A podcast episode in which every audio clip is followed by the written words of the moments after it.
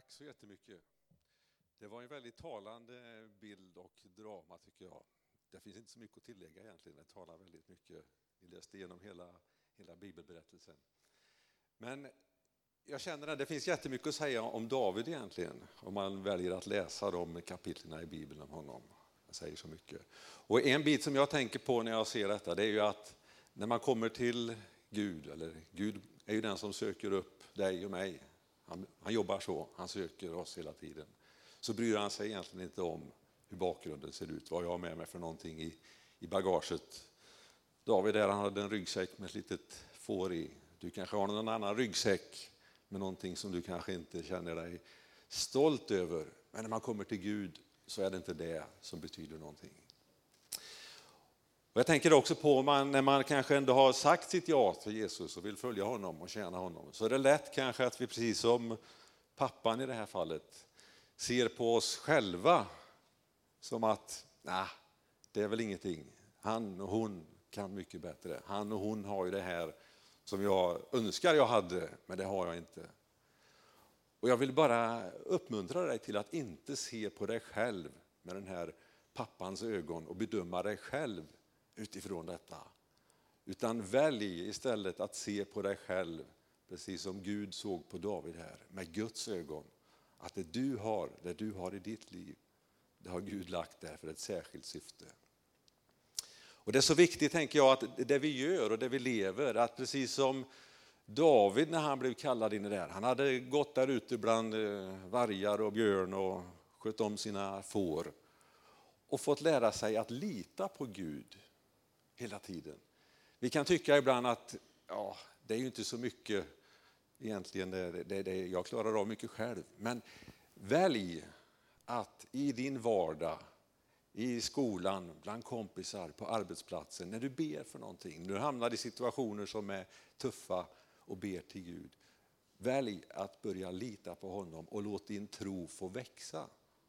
För rätt vad det är så kommer det här skiftet kanske, där du får gå in i en uppgift eller ställs inför en situation som kräver kanske mycket av dig. David han kom i en situation längre fram sen som säkert många av oss har hört talas om. Han möter någon stor gobbe där, Goliat. Nu kanske vi inte möter jättar på det sättet, men vi kan möta väldigt tuffa saker i livet.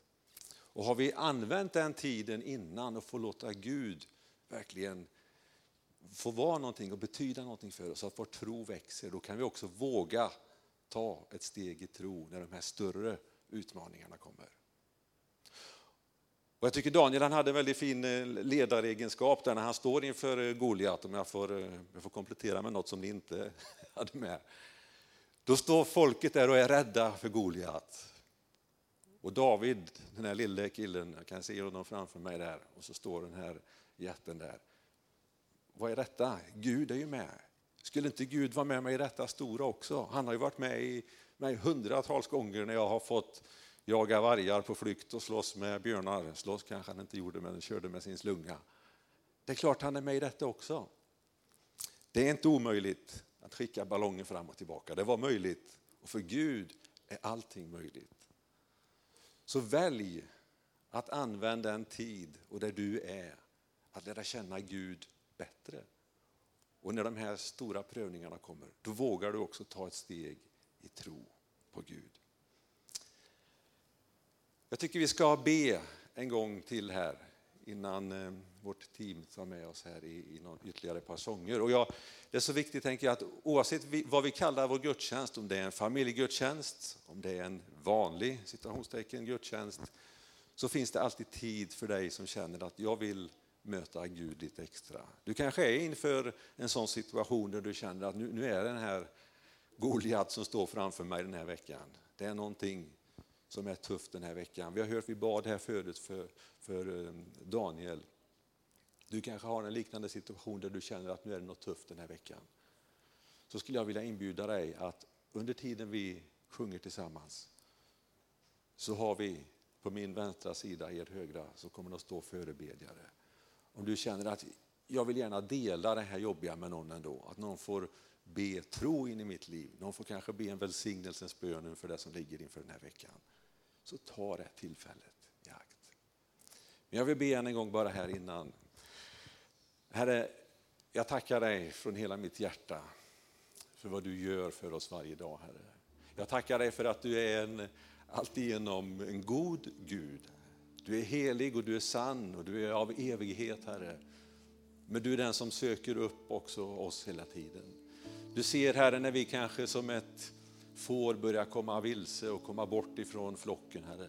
Då söker du upp oss, Herre, och du vill leda oss tillbaka in i din värme, in i din kärlek, Herre. Du ser oss också, Herre, när vi står inför de här eh, prövningarna, när vi står inför situationer där vi känner att ja, men det är omöjligt. Herre, då får vi bara lägga allting för dig, Herre. Vi får bjuda in dig att tala in i våra liv och komma och leda oss på de vägar som du har tänkt, Herre.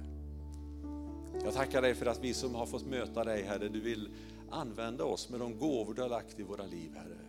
Om det handlar om sång och musik eller tal eller när vi är ute och idrottar eller vad vi gör Herre. När vi möter människor Herre så kan vi få Herre sprida ditt budskap Herre. Ljus och hopp och frid jag tackar dig för att du vill välsigna de som sitter framför mig här nu Herre. Som har kommit hit den här förmiddagen för att, för att få möta dig Fader.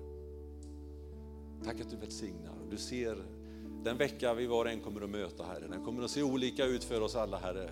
Men du är densamme Herre och för dig är ingenting omöjligt Fader. Jag tackar dig för det. Amen.